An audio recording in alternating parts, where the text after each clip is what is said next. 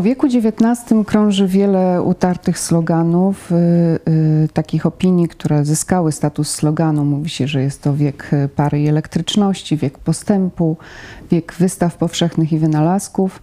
Wreszcie jest to wiek, w którym wynaleziono y, jednostkę, powstała nowoczesna koncepcja jednostki, ale też nowoczesna koncepcja państwa, narodu, y, partii politycznych. Dziś w obiegu popularnym pojawia się też dosyć często wiek XIX w kontekście krzywdy i niedoli warstw ludowych, e, chłopów rodzącej się klasy robotniczej, a szczególnie ciekawym wątkiem jest zwrócenie uwagi na sytuację kobiet, kiedy pod mitu y, opowieści o sufrażystkach, pierwszych emancypantkach, które były przede wszystkim przedstawicielkami e, warstw wykształconych, zwraca się uwagę ku robotnicom służącym kobietom ze środowisk wiejskich, żeby przywrócić e, ten nieobecny na kartach historii głos kobiet. Szczególnego znaczenia nabiera wiek XIX, gdy myślimy o przemianach społecznych, które zaszły w tym długim stuleciu. Mówię długim stuleciu, bo jest to epoka, która według niektórych badaczy kończy się dopiero w 1918 roku po odzyskaniu niepodległości przez Polskę. Ostatnio coraz modniejszy jest nurt nowego odczytywania historii Polski, zwany historią ludową. E, w którym e, próbuje się na nowo opowiedzieć e, dzieje naszego kraju w jego wymiarze społecznym, kulturowym, z uwzględnieniem głosów, które dotychczas nie były wystarczająco dobrze słyszane. Wciąż jednak opowiadamy sobie wiek XIX przede wszystkim językiem elit, korzystając z tych najbardziej dostępnych źródeł pisanych, które były zostawiane przez warstwy wykształcone, uprzywilejowane, elity intelektualne kraju, ale też korzystamy z dokumentów, Y, urzędowych, y, y, korzysta jednocześnie nasycając tą narrację historyczną językiem administracji rządowej, językiem oficjalnym.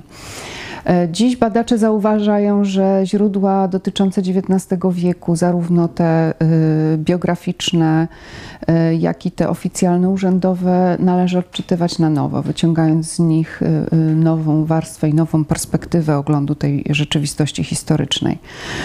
E, wiek XIX jest również czasem głębokich przemian społecznych związanych z przejściem od ustroju feudalnego do kapitalistycznego, co zmieniło nie tylko gospodarkę, ale też sposoby myślenia, działania, odczuwania świata. Na ziemiach polskich szczególnie ważne pewnie będzie mm, to w kontekście reform uwłaszczeniowych, które w różnych zaborach odbyły się w różnych latach. Jako ostatnia odbyła się reforma uwłaszczeniowa w Królestwie Polskim w 1800 1864 roku. E, reformy te doprowadziły do e, istotnych migracji, zmian demograficznych na dużą skalę e, i do wyłonienia się w efekcie w środowiskach miejskich klasy robotniczej. Drugim takim istotnym faktem w strukturze społecznej, istotną zmianą było zawiązanie się już w końcówce XVIII wieku warstwy inteligenckiej, czyli pracowników umysłowych, którzy zasilali administrację i instytucje życia publicznego. E, I właśnie inteligencja miejska nadała demokratyczny ton zarówno miejskim salonom, jak i wprowadziła temat demokratyzacji życia społecznego do publicystyki i obiegu myśli. Zmieniało się więc powoli społeczeństwo w XIX wieku, zmieniała się też świadomość struktury społecznej i stosunków społecznych, a co za tym idzie, zmieniały się obiegi kultury i formy życia społecznego. Społeczeństwo polskie w XIX wieku było areną licznych y, y, przemieszczeń, awansów społecznych, y, ale też upadku fortun, szlacheckich bankructw, wymyślania siebie na nowo przez różne grupy społeczne.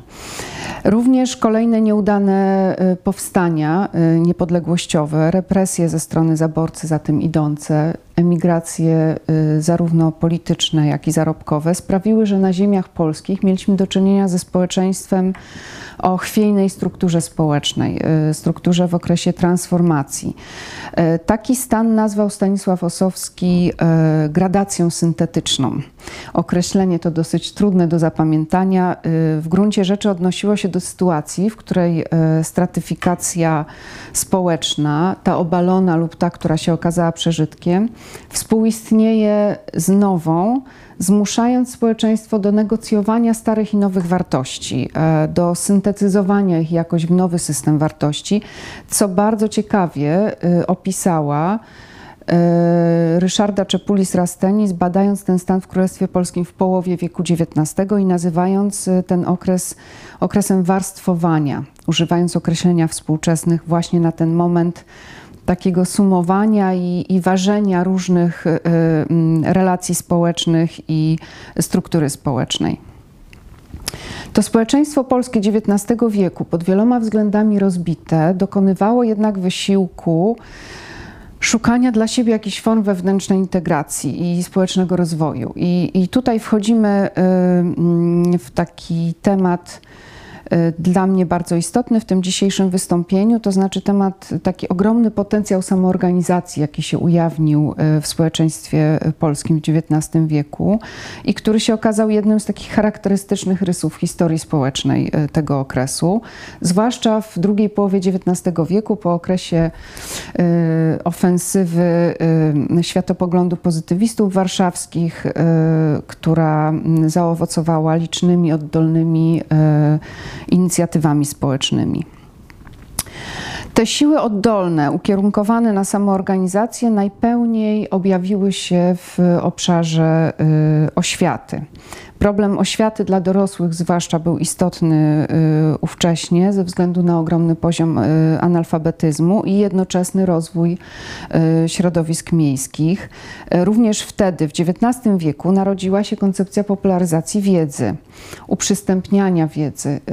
Mm, czasem nazywam to uwalnianiem wiedzy w XIX wieku, na co wpłynęła coraz większa mobilność ludzi, rozwój miast, środków transportu, oczywiście klasy robotniczej i wtedy właśnie w tym okresie y, mm, powstały y, takie formy kształcenia jak kółka samokształceniowe, towarzystwa wzajemnej pomocy w uczeniu się, uniwersytety ludowe, popularne odczyty. Y, wszystkie te formy najpełniej i najwcześniej pojawiły się, w, rozwinęły się w Wielkiej Brytanii, gdzie rewolucja przemysłowa najszybciej wykształciła klasę robotniczą, ale też tam oświata dla dorosłych dość, dość szybko przybrała charakter systemowy w postaci tak zwanych instytutów mechanicznych, które, z których, y, które pełniły również funkcję bibliotek i z których pierwszy taki instytut powstał już w 1821 roku.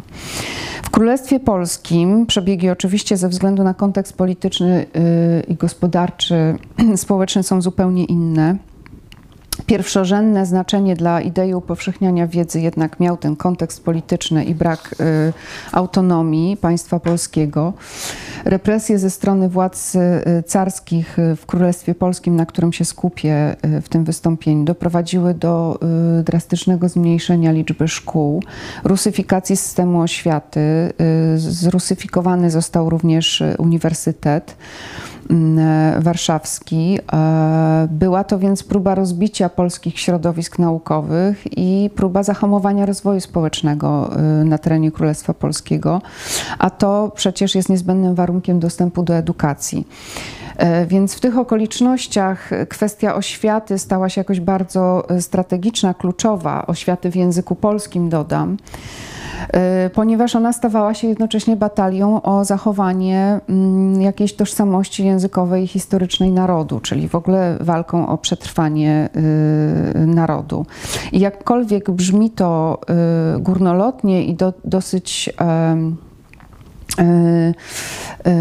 i jest dosyć takim już utrwalonym w piśmiennictwie określeniem, ta właśnie walka o przetrwanie narodu, to jednak gdy przyjrzymy się takim szczegóło, szczegółowym realizacjom, zobaczymy, że tutaj e, rzeczywiście biło jakieś istotne tętno życia społecznego.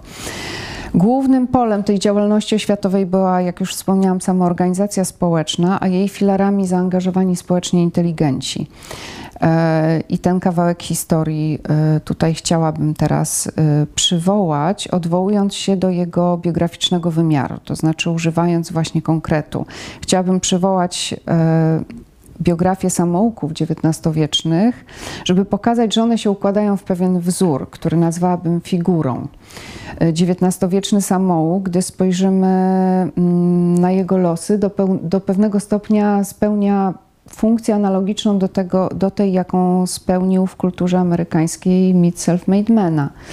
Czyli jest to figura y, bardzo istotna dla kultury XIX-wiecznej polskiej i będąca jakoś zwornikiem różnych ważnych dla tego społeczeństwa treści. Y, socjolożka Joanna Kurczewska nazwała nawet polskiego inteligenta takim nadwiślańskim self-made manem, wskazując na zbieżność różnych elementów biografii w obu wzorcach osobowych. Ja bym powiedziała, rozszerzyła, że chodzi w ogóle o mit samouka, który staje się właśnie takim e, polskim odpowiednikiem self-made mana. Opowiadając y, o kulturowej biografii XIX-wiecznych samouków, y, mamy do dyspozycji dwa rodzaje źródeł, mm, uogólniając. Są to źródła, które bym nazwała mm, normatywnymi, czyli takie, które jakoś regulują historycznie to zjawisko, to znaczy dla ówczesnych były to poradniki, instrukcje, wszelkie artykuły prasowe i wydawnictwa, które dotyczyły metodologii samokształcenia i próbowały jakoś uporządkować Y, formy organizacji samokształcenia, a drugi typ źródeł to są mm, świadectwa o charakterze autobiograficznym, piśmiennictwo y, osobiste, czy też jak to się zwykło mówić, ego-dokumenty, a także obrazy literackie, które dają bardzo ciekawy wgląd w świadomość społeczną, które, y, która nie tylko Y, pozwala odczytywać strukturę, mm, stosunki społeczne i strukturę społeczną, ale y, jak twierdzi Ryszarda Czepulis-Rastenis, która we wspomnianym studium o warstwowaniu się społeczeństwa polskiego użyła właśnie obrazów literackich przede wszystkim jako swoich źródeł, mm, świadomość społeczna również kształtuje strukturę społeczną, wpływa na nią. E, w świetle tych dwóch e, typów źródeł ja bym chciała najpierw e, przyjrzeć się dwóm przykładom właśnie jego dokumentów, czyli takich świadectw autobiograficznych opowiadających losy samouków, jednego w Królestwie Polskim, a drugiego w Galicji. Dla zróżnicowania jedna biografia to będzie biografia samouka Włościanina, a druga to biografia samouka inteligenta ze zubożałej rodziny szlacheckiej. E, obie biografie osadzone, jedna w Królestwie Polskim, druga w Galicji, e, są też ciekawe w kontekście tego, że pokazują e, środowisko inteligenckie o nastawieniu demokratycznym, które jest taką wejście w to środowisko jest taką ramą dla obu tych opowieści, ale jednocześnie daje wgląd właśnie w rzeczywistość społeczną i pośrednio te obie biografie są e, opowieścią właśnie o warstwowaniu, czyli o tym momencie, kiedy świat starych podziałów spotykał się z nowymi wartościami i to zdecydowanie odciskało mm, się na biografiach ludzi będących niejako pomiędzy tymi światami. E, bo taka też była ta figura XIX-wiecznego samouka, że on jakoś negocjował wartości z różnych światów. Zacznijmy od włościanina z Galicji, e, samouka Macieja Szarka, który urodził się w 1826 roku we wsi Brzegi i w tej samej wsi zmarł e, w 1905 roku. E, jest to wieś położona niedaleko Wieliczki. W pobliskim grabiu Maciej Szarek został pochowany i do dziś jest tam szkoła podstawowa jego imienia, zbudowana zresztą niegdyś z jego inicjatywy. Maciej Szarek był galicyjskim działaczem ludowym, chłop jak to się mówi, chłopem samoukiem, y, który historię swojego samokształcenia spisał w krótkiej opowieści autobiograficznej zatytułowanej Bieg mojego życia, opublikowanej w Lwowie w 1896 roku.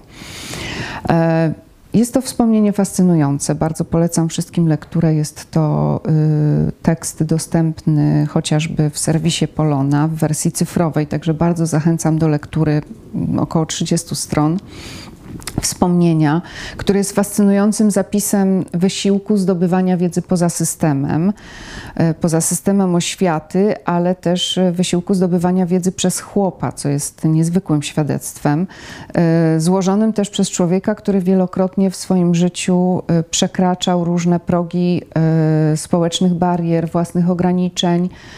E, by pomimo wstydu, strachu otwierać się na nowe możliwości. I jest to też niezwykłe świadectwo, bo rzadko spotykane e, właśnie w literaturze, e, w świadectwach zostawionych przez chłopów.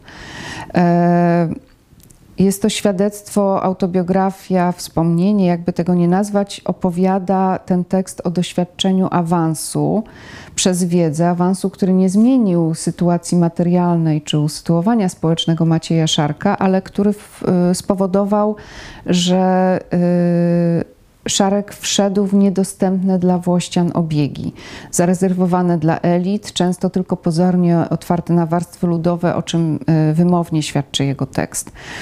E, w tym pamiętniku znajdziemy opis drogi do wiedzy, gdy jako małe dziecko, rugany przez rodziców, e, próbował nauczyć się pisać pisania i czytania, e, kiedy mm, z węglonym drewnem pisał na ścianach i matka krzyczała do niego nie walaj ściany próżniaku. To jest zdanie, które on przywołuje po latach i myślę, że mm, e, te awantury domowe e, żywo pamiętał.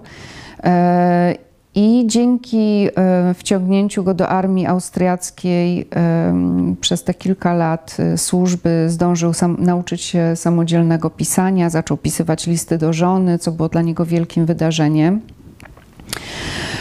I kiedy wrócił do domu i osiadł już na gospodarstwie, e, jedną z takich pierwszych istotnych historii i cezur w jego życiu była wyprawa do Krakowa do antykwariatu po książkę. Maciej Szarek, podobnie jak wielu chłopów, miał w swoim życiu do, do czynienia tylko z jednym typem książek, z modlitewnikami, z książkami e, kojarzonymi z religią i świętością. I kiedy poszedł do Krakowa, dodajmy, że był to rok 1857 i Maciej Szarek miał wtedy 31 lat, co y, wówczas czyniło z niego mężczyznę y, dojrzałego w pełni, a jednak on w, y, w antykwariacie w Krakowie mm, jest zupełnie bezradny wobec przede wszystkim tego, że nie potrafi e, poprosić o te książki, e, które chciałby e, zakupić. Prosi antykwariusza o historię zabawną. Cóż to znaczy? Antykwariusz nie wie, niecierpliwy się. Maciej Szarek powtarza, chciałbym historię zabawną. Nie ma języka, żeby poprosić o mm, zwykłe świeckie książki. I ma to szczęście, że spotyka w tym antykwariacie E, e, człowieka, który potem okazuje się e, być bratem Jana Matejki, Franciszek Matejko, spotyka go i tamten zaintrygowany tym mm, mężczyzną ze wsi, który żąda książki historii zabawnej, mm, rozumie jego intencje i daje mu historię Polski i jednocześnie zaprasza go do domu. Mówi, chodźże ze mną do mego domu, gospodarzu. A kiedy już Maciej Szarek jest y, w jego salonie, mówi, usiądź na kanapie. I tutaj następuje w tym wspomnieniu Macieja Szarka taki bardzo ciekawy, istotny moment, kiedy on mówi, po tym jak usiadł na kanapie, ogromnie się przeląkłem, że ją złamałem, gdy się pode mną ugięła. Ja nigdy jeszcze nie siedziałem na żadnym sprężynowym, wyściełanym stołku. Przywołuję ten e, cytat, bo wydaje mi się on jakoś niezwykłym też e, świadectwem, rzadko spotykanym, tego w jaki sposób awans społeczny E, schodząc na taki poziom szczegółu, może być opowiadany przez e, historię afektów, historię wstydu, zażenowania, ale też historię jakoś e, powiązaną z cielesnością i materialnością tego awansu społecznego. Kiedy Maciej Szarek z tej wizyty u E, Matejki zapamiętuje przede wszystkim tę miękką kanapę, coś czego wcześniej nie doświadczył, co jest z innego świata. Podobnie dzieje się, kiedy w, e, e, Maciej Szarek w dalszej części swojej opowieści przywołuje analogiczną, analogiczne, powiedziałabym cudowne, niezwykłe spotkanie. Wyprawia się z flisakami Wisłą do Warszawy i tam w wolnym czasie przechadza się krakowskim przedmieściem i znajduje księgarnię. I przed tą księgarnią spotyka mm, spotyka się z Władysławem Anczycem który y, y, dopytuje go o szczegóły jego wyprawy y, do Warszawy, poznaje go po stroju krakowskim, dopytuje od razu w XIX wieku kody ubioru były bardzo wyraźne, on od razu wie z kim ma do czynienia. Anczyc zainteresowany Szarkiem zabiera go do Józefa Ignacego Kraszewskiego, zapoznaje go z tym pisarzem, co zresztą zaowocowało przyjaźnią, wieloletnią korespondencją. Ale poza tym, że te, w ogóle te spotkania w księgarniach i antykwariatach y, były jakoś niezwykłe i y, w, tych, w tej swojej przypadkowości, to jednak Równie niezwykłe są właśnie te wizyty na krakowskich i warszawskich salonach i to, co Maciej Szarek o nich pisze, bo mimo, że on opisuje z perspektywy po, upływie już wielu lat Mm, te spotkania, to jednak one są wciąż w tym tekście podszyte takimi intensywnymi emocjami, intensywnie przeżywanym wstydem. O wizycie u Kraszewskiego y, Maciej Szarek pisze, że zaproszony do stołu na obiad prosił, całował po rękach Kraszewskiego, jak pisze, by nie sadzał go do stołu razem z panami co tłumaczył innymi brudną sukmaną i brakiem higieny przez dwa tygodnie podróży do Warszawy, ale nie zmienia to faktu, że te ograniczenia i ta bariera, którą on odczuwał, była również z innego porządku, takiego obyczajowego, w którym on nie mógł się odnaleźć. I gdy zasiadł za stołem, e, oczywiście bogato nakrytym zastawą, jakiej dotychczas nie widział, e, jak napisał, y, odjęło mu przytomność. Nie wiedział, co i jak ma jeść, a na końcu przyznał, że wolałby kawałek suchego chleba, aniżeli u stołu zasiadać z panami ponownie. Z panami, o których pisze, że chłopi w owych czasach żadnej wspólności z nimi nie mieli i których mocno się bali. I tutaj się ujawnia taka w tym tekście mm, bardzo istotna, z jednej strony właśnie taki rodzaj klasowej samoświadomości, która każe zresztą w innej sytuacji opisanej przez Szarka y, mm, zrezygnować mu z zasiadania na trybunie honorowej obok Kraszewskiego, gdy ten świętował swój jubileusz i zaprosił Macieja Szarka, by zasiadł y, y, obok niego. Mimo, że pisarz nalegał, Maciej Szarek wiedział, że nie powinien tego robić i wiedział lepiej niż jego przyjaciel inteligent, że to przekroczenie y, zbyt śpieszne granic y, obyczajowych, zbyt śpieszne łamanie barier mentalności szlacheckiej y, nie przyniesie korzyści ani jemu, ani Kraszewskiemu, ponieważ on jako chłop wiedział, że w obiegu kultury wysokiej jeszcze długo elity chłopów widzieć nie chciały i że to się wiązało z dużym wysiłkiem. Nie chciał obciążać Kraszewskiego tą sytuacją, więc wyjątkowa w jego przypadku e, klasowa samoświadomość się tutaj ujawniła, bo ten aspekt demokratyzacji społecznej często e, e, przedstawicielom elit umykał. Często mieliśmy do czynienia z otwieraniem drzwi, dotychczas zamkniętych, ale bez świadomości tego, że społeczne bariery nie zostały w ten sposób przełamane i że nie dzieje się to mechanicznie i to są długotrwałe procesy.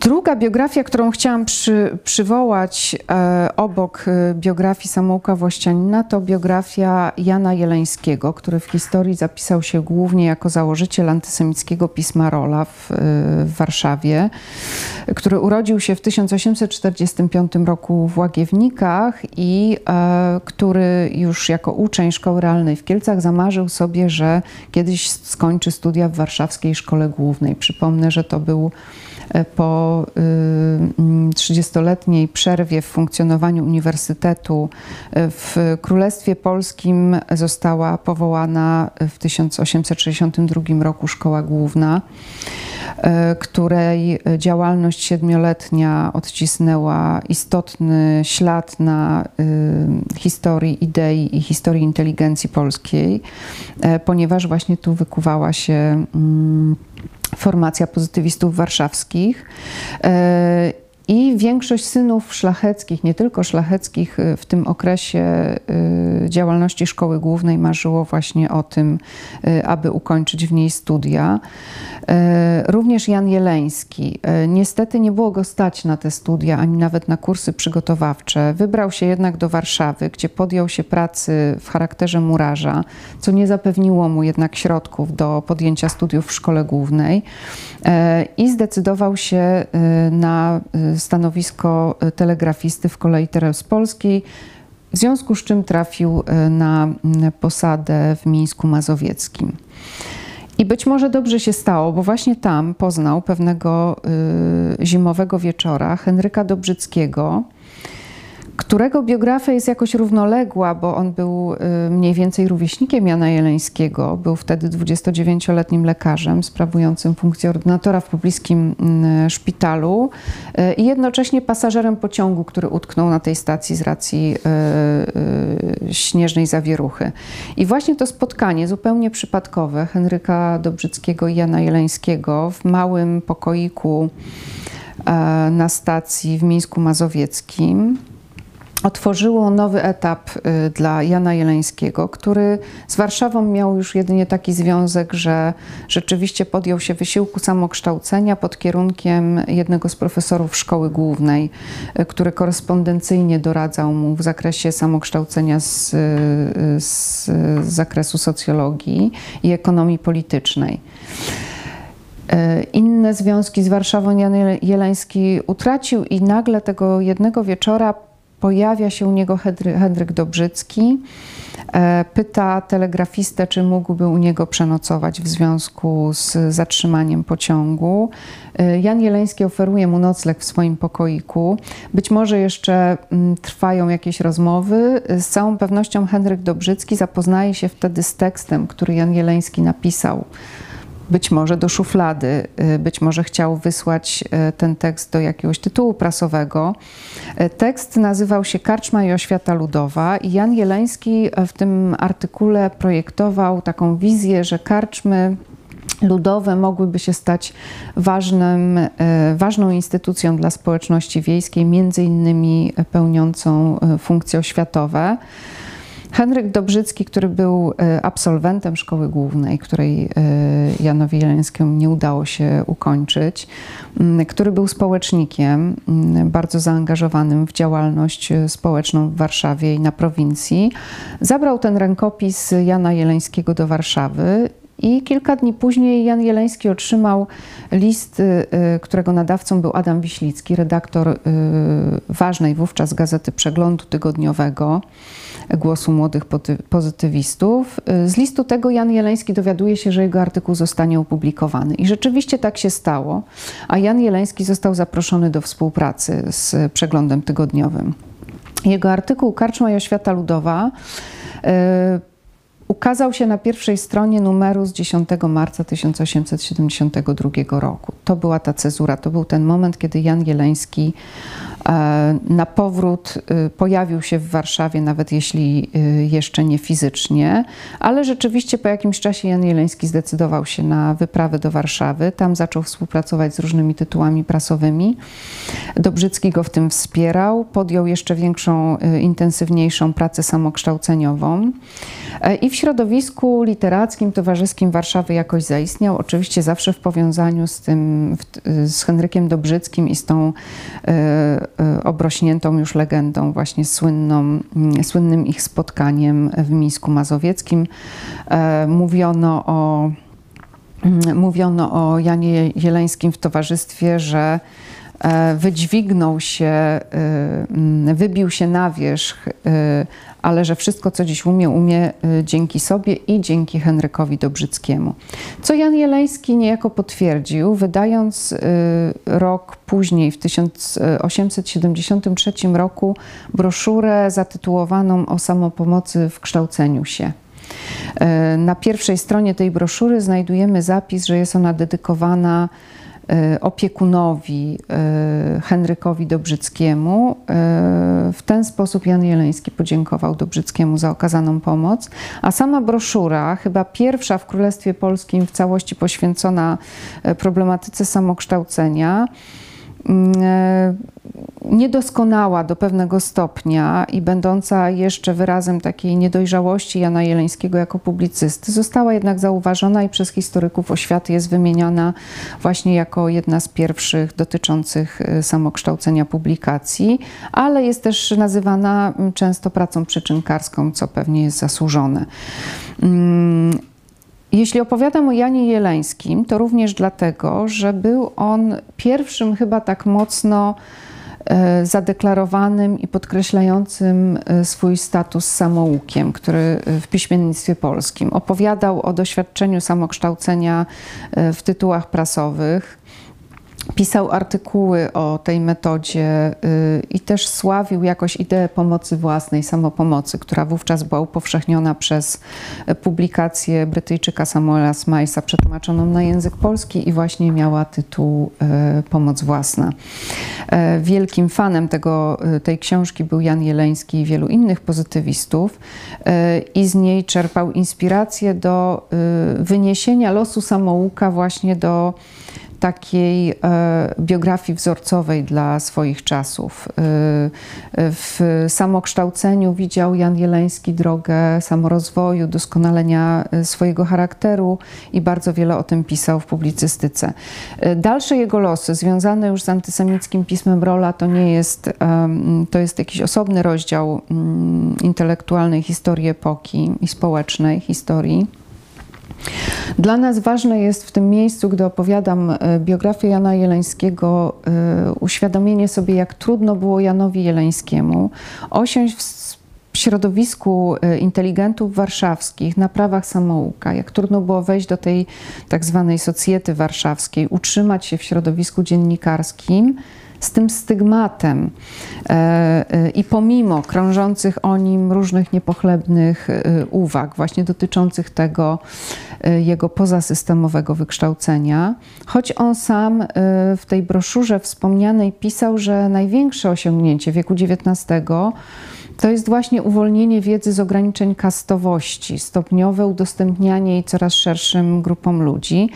A co za tym idzie, tu cytuję, takie przekonanie o tym, że każdy ma władzę samoistnego myślenia i działania, a władza ta olbrzymieje w miarę doskonalenia jej ciągłym ćwiczeniem, wytrwałą pracą, zdobywaniem wiedzy. Samouctwu więc y, przypisywał y, Jan Jeleński też ideę y, postępu i równości. Jednak jak widzimy i jak możemy odczytać z różnych biografii samouków XIX-wiecznych, była to idea przypisywana samokształceniu trochę na wyrost i nie mająca pokrycia w praktyce, bo w rzeczywistości społecznej rzeczywiście samouk miał bardzo utrudnione utrudniony wstęp y, zarówno do świata nauki, y, jak i w ogóle do obiegu, y, mm, obiegu wiedzy i mm, dostęp do tytułów prasowych, do wszelkich środków artykulacji swojej wiedzy również był utrudniony. W latach 80. i 90. XIX wieku narasta dyskusja wokół e, problemu samokształcenia, samouctwa i pod koniec wieku staje się ten temat już bardzo istotnym elementem projektowania e, oświaty pozasystemowej, która czasem przybiera formy E, systemowe, o czym zaraz powiem, ale która e, e, jest takim dużym projektem społecznym inteligentów w Królestwie Polskim. I w tej dyskusji, w tych dokumentach, które w latach 80. i 90. się pojawiają, powiedziałabym, że są takie dwa nurty tego myślenia, refleksji wokół samokształcenia. Jeden nurt dotyczy metodologii, tego w jaki sposób rozwijać samokształcenie, jak je organizować, e, jaką przyjąć metodę doboru lektur. A drugi nurt dotyczy refleksji o miejscu samouka w społeczeństwie i o tym, jakiego rodzaju kontekst społeczny towarzyszy fenomenowi e, samokształcenia. W tym pierwszym nurcie, nazwanym przeze mnie metodologicznym, e, wspomniałabym tutaj publikację e, Adolfa Dykasińskiego, która się ukazała w 1889 roku, zatytułowana Jak się uczyć, jak uczyć innych. To jest jedna z wielu takich publikacji, e, która była propozycją usystematyzowania zakresu samodzielnego kształcenia, bo już nie chodziło o to, żeby w ogóle zachęcać ludzi do samokształcenia i do podejmowania tego samodzielnego wysiłku, ale chodziło też o to, żeby dawać jakiś e, zamysł, y, systematyczny plan tego kształcenia.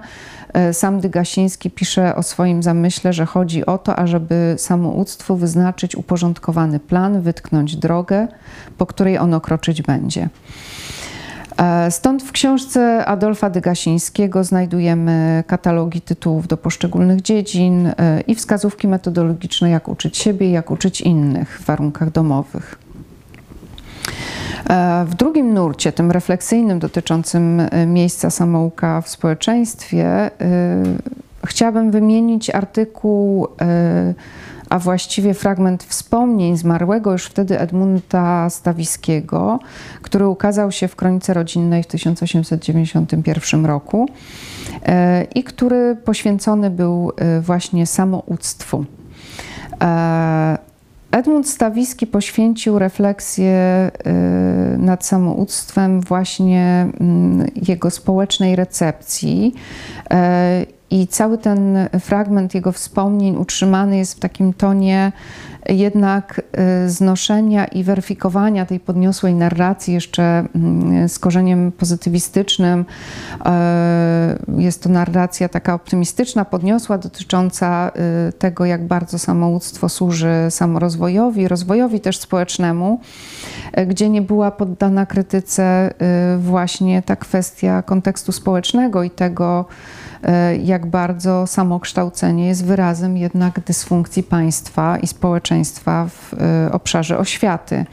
Więc tutaj w tych wspomnieniach Edmunda Stawiskiego znajdziemy taki kontrapunkt e, do tamtych, do tamtego nurtu jeszcze pozytywistycznego, nie do końca właśnie poddającego krytyce to zjawisko w kontekście społecznym. Stawiski przypomina o tym, że y, bardzo często dążenie do wiedzy i samodzielności poprzez samokształcenie jest, cytuję, koniecznym wynikiem ubóstwa, wstrząsień i przewrotów życiowych, skutkiem braku zakładów naukowych lub ich wadliwości, albo też trudności stawianych w dostaniu się do nich. E, w tym jednym zdaniu wymienia on wszystkie warunki, w których samokształcenie staje się jednak e, smutną koniecznością e, w rzeczywistości końca XIX wieku na ziemiach polskich. I biorąc pod uwagę te okoliczności, Stawiski kontynuuje swoją refleksję, ujawniając właśnie problem lekceważenia, czy też braku zaufania do wiedzy pozyskanej na drodze samokształcenia. E, jakiej e, doświadczał samouk ze strony ludzi nauki i w ogóle ze strony społeczeństwa. Więc e, ten tekst w Kronice Rodzinnej, on jest trochę takim przy, przypomnieniem, że każda samopomoc, również ta związana z samouctwem, należy jej się szacunek i jakiś rodzaj poszanowania.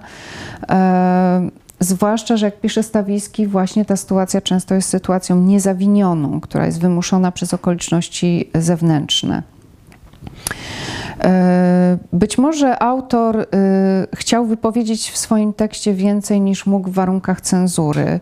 E, pisał też o tym, że samokształcenie uruchamia bogatsze, bardziej kreatywne zasoby myśli ludzkiej, porównując też to samokształcenie na ziemiach polskich z osiągnięciami edukacji, oświaty pozasystemowej na gruncie amerykańskim, bo rzeczywiście autorzy w tym okresie chętnie się do tamtego kontekstu odwoływali. Nie zmienia to faktu, że system oświaty w Królestwie Polskim podlegał w tym czasie silnej rusyfikacji i ograniczeniom i że właśnie samo kształcenie nabierało w tym kontekście nowych, ważnych społecznych znaczeń. Czego taką kulminacją i być może przełomowym e, momentem e, w historii samokształcenia była, był rok 1898 kiedy na rynku wydawniczym pojawił się pierwszy tom e, serii Poradnik dla samouków. Poradnik był wydawany z inicjatywy Stanisława Michalskiego i był bodaj największym przedsięwzięciem zrealizowanym na ziemiach polskich właśnie w zakresie samokształcenia. E, zacznę może od e, e, recenzji Ludwika Krzywickiego na łamach Tygodnika Ilustrowanego pod znamiennym tytułem Samouctwo ujęte w karby, który pisał o poradniku, że czyni on zadość bardzo istotnym potrzebom społecznym, skoro już rozsprzedano cały nakład w liczbie 2000 przeszło egzemplarzy. Jest to rzeczywiście taki moment, w którym okazuje się, że poradnik dla samouków, tak nazwany i e, zaczynający się od tomu, który zawiera też porady metodologiczne, znalazł bardzo wielu czytelników, okazał się y, bardzo pożądaną lekturą, w związku z czym był y, kontynuowany i już w 1915 roku zakończyła się pierwsza seria. Miejmy tutaj na uwadze, że po drodze bardzo wiele się zmieniło w kontekście politycznym i społecznym w Królestwie Polskim, a w 1915 zainicjował Stanisław Michalski kolejną, drugą serię. E, w której, e, która e, była wydawana aż do 1932 roku, czyli ta inicjatywa z końca XIX wieku nieprzerwanie do 1932 roku była publikowana i znajdowała też czytelników, co jest bardzo ważnym mm, bardzo ważnym faktem, do którego jeszcze wrócę. E, poradnik dla samouków miał być według Krzywickiego zjawiskiem, mm, czy też w ogóle zwiastunem zjawiska dawno już obecnego za Atlantykiem. Znowu tutaj pojawia się odniesienie e, do kontekstu amerykańskiego. Krzywicki pisze, że w, w, w na kontynencie amerykańskim wiedza zstąpiła z wyżyn olimpijskich i udała się pomiędzy tłumy prostaczków nieść swój kaganek i rozświetlać mózgi. Pomijając tą warstwę językową, która jest też świadectwem tego, że mm, też zmieniał się język, którym pisano o e, e, zarówno o problemach warstw ludowych, ale też o e, różnych inicjatywach z tym związanych, Krzywicki e, w tym samym e, akapicie, ustępie w swoim artykule używa określenia demokratyzacja nauki, które jest już z porządku e, systematycznego przyglądania się temu, w jaki sposób nauka zaczyna się otwierać na różne grupy społeczne i w jaki sposób jest to organizowane. E, Krzywicki przygląda się różnym oryginalnym, charakterystycznym formom samokształcenia, przywołuje y, uniwersytety latające y, czy formy korespondencyjne stosowane mm, na gruncie amerykańskim, a w tym samym czasie przecież, choć Krzywicki nie może tego napisać w recenzji prasowej, on sam był zaangażowany w znakomitą i wartą tutaj przywołania równie oryginalną jak na owe czasy inicjatywę, która zawiązała się w Warszawie już w 1882 roku jako kursy samokształceniowe dla kobiet. E, I nazwana została z czasem Uniwersytetem Latającym, bo w 1885 roku z inicjatywy Jadwigi Szczawińskiej-Dawidowej przyjęła formę regularnej struktury, takiej analogicznej do systemu uniwersyteckiego, dlatego mówiło się o tym uniwersytecie latającym, że był on substytutem uniwersytetu. Nazywano też uniwersytet również babskim, e, bo założony był i przeznaczony dla kobiet, choć e, również mężczyźni korzystali z tych wykładów, e, ale to kobiety były odcięte w ogóle od możliwości podjęcia studiów i Uniwersytet Latający w 1905 roku przekształcił się w Towarzystwo Kursów Naukowych, a w 1920 roku w Wolną Wszechnicę Polską. E, słowo wszechnica stało się synonimem dostępności, przystępności wiedzy. Tradycja zresztą ta jest e, do dziś kontynuowana. E, i pewnie domaga się osobnego opracowania i zbadania, w jaki sposób ta idea dostępności przystępności wiedzy jest realizowana przez cały wiek XX, mając swoje korzenie w wieku XIX. Wróćmy jednak do poradnika dla samouków. Jego twórca Stanisław Michalski, nazywany człowiekiem instytucją e, nie bez powodu, bo poświęcił całe życie na działalność oświatową. E, po odzyskaniu niepodległości w 1918 roku był jednym z twórców systemu oświaty w wolnej Polsce. A sam y, pochodził z ubogiej rodziny szlacheckiej, choć marzył o studiach na uniwersytecie, ukończył jedynie szkołę techniczną w Petersburgu.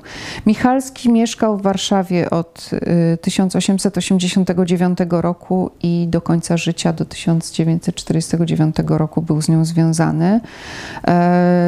Y, łączył pracę zawodową w y, polskiej firmie Droga Żelazna Warszawsko-Wiedeńska z działalnością społeczną. Był y, jedną z czołowych postaci warszawskiego środowiska naukowego, współorganizator czytelni, twórca biblioteki kolejowej, inicjator wreszcie słynnej serii Poradnik dla samouków. Y, jak już mówiłam, była ona wydawana przez wiele lat i jej współtwórcą był, wspierał pracę nad tą serią Aleksander Heflik, co warto warto y, też wspomnieć, bo zwykle się o nim zapomina. Stanisław Michalski zaprosił do współpracy, do współtworzenia poradnika dla samouków y, najwybitniejszych uczonych, którzy byli w tym czasie związani głównie z tajnym nauczaniem i którzy bardzo chętnie włączyli się w tę inicjatywę. Wydawnictwo było w, całości finansowanie, finansowane ze środków społecznych, co też warto podkreślić. Y, między innymi było możliwe dzięki finansowaniu kasy imienia, imienia Józefa Mianowskiego, która została założona w 1881 roku przez absolwentów wspomnianej szkoły głównej. E, co jeszcze warto podkreślić, to to, że w poradniku dla samouków pojawiło się na przykład e, poza wskazówkami metodologicznymi, pojawił się dział korespondencji, kwestionariusz z pytaniami o potrzeby e, naukowe czytelników, ale też o ich status, wykształcenie, czyli zaczęto postrzegać tą sytuację jako sytuację budowania społeczności wokół tej serii.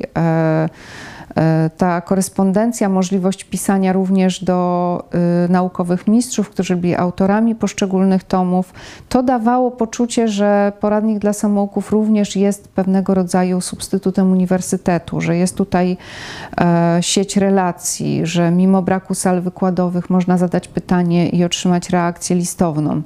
Dzięki kwestionariuszom, y, kwestionariuszom Stanisław Michalski nadawał poradnikowi dla samouków jakiś e, mm, charakter więziotwórczy i e, kreował jakiś żywy obieg myśli. Myślę, że tym właśnie poradnikiem dla samouków, jako takim dziełem wieńczącym temat samokształcenia w XIX wieku, bo mimo, że poradnik dla samouków przestał być wydawany dopiero w latach 30. XX e, wieku, to jednak ta inicjatywa była głęboko zakorzeniona w myśleniu XIX-wiecznym o samokształceniu i stamtąd wyrastała, z tamtej potrzeby i z tamtego e, kontekstu społecznego. E, to jest pewnie dobra puenta do mówienia o tym, zagadnieniu w kontekście e, mm, historii społecznej XIX wieku. Natomiast chciałabym jeszcze na chwilę wrócić do tytułu mojego wystąpienia, e, który brzmi Biografię samouków wiek XIX i demokratyzacja wiedzy. Biografię samouków. E, kiedy napisałam e, ten tytuł, pomyślałam, że w kontekście dzisiejszej tendencji do szukania feminatywów, e, też oddawania w języku polskim pewnej równości statusów i przywracania też żeńskich form, Pomyślałam ja o tym, że być może kobiety powinny być bardziej obecne zarówno w tytule tego wystąpienia, jak i w jego przebiegu. Ale rzeczywiście jest tak, że słowo samouk y, y, nie posiada odpowiednika żeńskiego. Kobieta samokształcąca się mm, byłaby pewnie tutaj najbardziej odpowiednim określeniem. Jednak historia kobiet samokształcących się w XIX i na początku XX wieku wydaje mi się e, wątkiem jakoś e, jeszcze nie dość zbadanym i nie dość opisanym i bardzo istotnym, dlatego na koniec chciałabym o nim wspomnieć. Uniwersytet Latający, ten o którym przed chwilą mówiłam, jako najbardziej znana inicjatywa oczywiście jest obecny w różnych opracowaniach. E, ale jednocześnie jest to tylko jedna z wielu inicjatyw, oczywiście różnej skali, nie tylko w Warszawie, ale też e, w innych miastach na prowincji, podejmowanych przez kobiety. Więc e, rzeczywiście tutaj jest to jeszcze do zgłębienia i do napisania ta karta polskiej historii. Biografie kobiet samouków mogą być oczywiście y, wyczytywane z dokumentów, y, ze źródeł, z archiwów, których jeszcze, y, mm, do których jeszcze nie dotarliśmy. Ale tak samo krytycznego namysłu wymaga sam mit samouka w XIX wieku, bo być może mm, jest to już opisana mm, historia w różnych opracowaniach, zwłaszcza historii oświaty, to jednak jako taka figura kultury XIX-wiecznej, y, w której znajdujemy różne mm, y, konteksty istotne dla y, epoki i która jest takim zwornikiem znaczeń i też bardzo charakterystyczna dla wyobraźni XIX-wiecznej, to myślę, że i ta figura domaga się jakiegoś krytycznego oglądu, mm, jakiejś rewizji. Być może w nurcie historii ludowej Polski znajdzie się miejsce również i na ten fragment. Natomiast niewątpliwie istnieje jakiś istotny pomost pomiędzy XIX-wiecznymi wysiłkami budowania e, oświaty, samoorganizacji, samokształcenia a instytucjami oświatowymi powołanymi w wolnej Polsce y, na fundamencie idei równego dostępu, demokratyzacji wiedzy. Wydaje się, że ten nurt demokratyzacji wiedzy y, jeszcze się nie skończył, nie wyczerpał, że ciągle mamy tutaj zadania związane z dzieleniem się wiedzą, związane z, y, z jej dostępnością, ale też jej wiarygodnością. Innymi słowy, wiek XIX i demokratyzacja wiedzy to ten kawałek historii, które wciąż rezonuje we współczesności y, i który chciałabym y, tym krótkim y, wystąpieniem wywołać i określić jeszcze jakąś potrzebę podejmowania dalszych prac badawczych w tym zakresie. Dziękuję Państwu bardzo za uwagę.